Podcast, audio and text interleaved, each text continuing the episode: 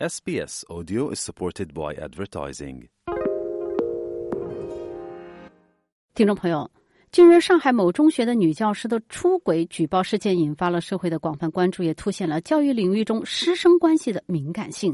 但是，很多人对于未成年人的最低合法性行为年龄，以及教师、医生这些职业对于未成年人合法性行为年龄的法律并不清楚。在这个引人深思的话题之下，我们邀请了专攻人身伤害赔偿的资深律师 Sharon，深入来解析一下这些关系中可能涉及的刑事犯罪和法律责任。下午好，Sharon。哎，你好！作为一个业内的律师，您已经关注到了这一起事件啊。在这儿，我们特别想跟您请教一下，基于我们澳大利亚的法律框架，未成年人合法性行为的年龄是多少岁？还有教师、医生这些职业对于法律年龄有什么样的影响？中国的法律跟澳大利亚法律区别在于，中国只有一一部刑法，但是澳洲的每一个州它有自己的法律的，每一个州关于这个方面的法律都不太一样。嗯，比如说在南澳和塔斯马尼亚发生合法性行为的这个年龄呢是十七岁，在其他州是十六岁。我们说这个性行为呢，不只包括了平常说的 intercourse，就是性交，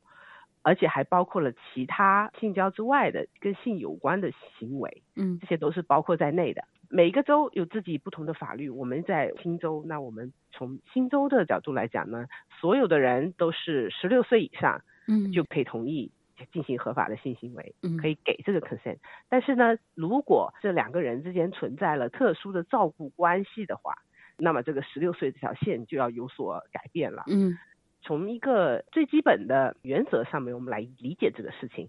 打一个这个比方啊，比如说同意进行性行为呢，就好像双方的一个合同关系，我同意你也同意。正常情况下，在两个人进入这个合同的时候呢，我们是要求这两个人是法律地位是平等的，嗯不可以把一方自己的意愿强加在另一方身上的。嗯当我们考虑到这个性行为的时候呢，我们法律也要默认这两个人他们的关系是平等的，所以说你给出来的 consent，你会给出来这个同意，它才是有效的。从这个角度来出发呢，新州刑法的第七十三条就把特殊照顾关系划分得很清楚，有好几个项目。如果两个当事人之间存在这些关系的话，那么这条线从十六岁就要移到十八岁了。嗯如果是十八岁以下这些关系之中的人发生性行为的话，那这个就是触犯刑法的。这些关系呢，包括监护人、父母、祖父母啊、父母的配偶，比如说妈妈的男朋友啊这样子的，小学校的老师、学校的校长，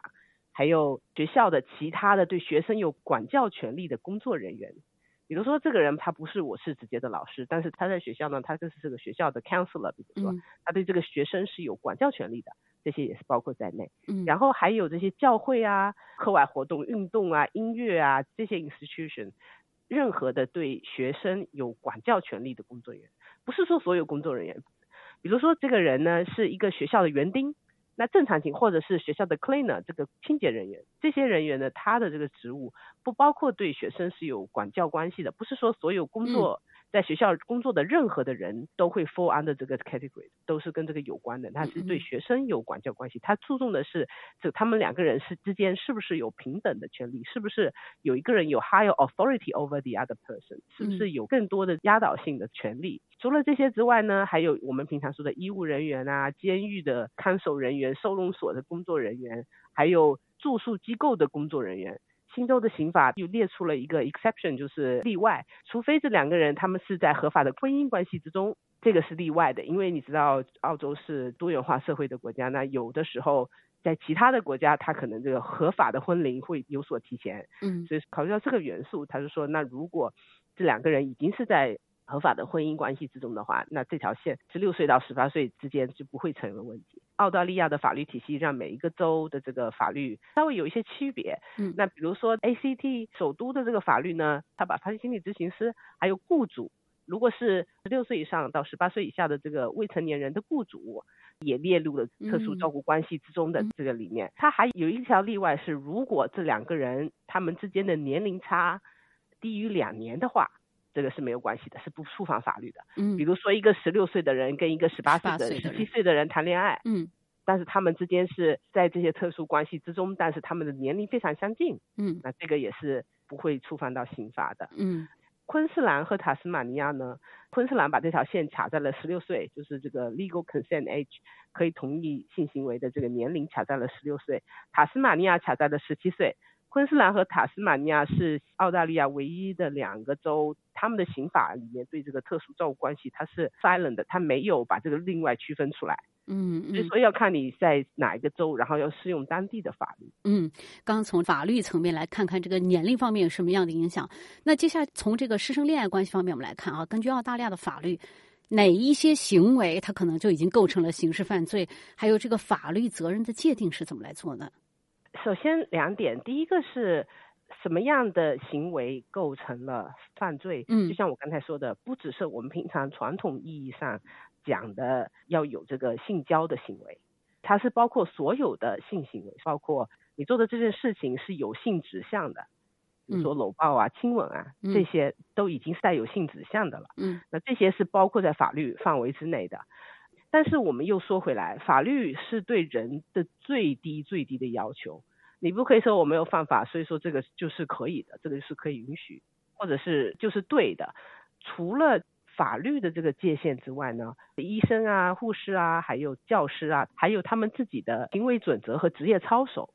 老师还有医疗工作者，他们虽然没有触犯法律，但是他们可能。会因为他们自己的这些行为或者是临界的行为而被吊销执照。嗯，那这些在医生、这个教师他们的这个职业操守是有做明确规定的。这个线是一个很广的范围，包括在我们平常这个实践之中，我们会把一些 grooming behavior 也包括到这个临界行为，因为我们说的是刑事法律吧，那我们就把它定位为嫌疑人嘛。那嫌疑人如果他的行为虽然不是搂抱、拥抱、亲吻啊，拥抱啊。但是如果他开始给一些小礼物啊，然后对这个受害人表示我是对你好的，我对你有特殊照顾的，嗯，这种的这种边界性的行为呢，我们就算是 grooming behavior。嗯，那没有人会因为他们的 grooming behavior 而导致刑事犯罪。但是呢，这些行为呢，在做刑事犯罪的考量，或者是在这个职业操守。这要不要吊销执照的时候，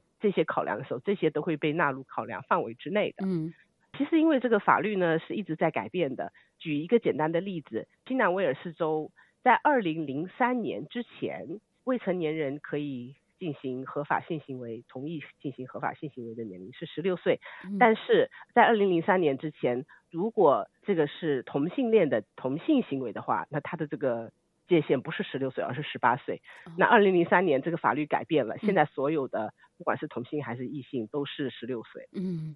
非常感谢今天 Sharon 跟我们基于澳大利亚的框架来判定教师与学生，还有包括医患之间的这个关系，哪些行为呢可能构成了刑事犯罪？那么我们在稍后的节目当中会继续请 Sharon 跟我们来讲一讲，如果越界了的话，有哪些赔偿或者受到怎样的法律的惩戒？非常感谢 Sharon 今天参加我们的节目。谢谢。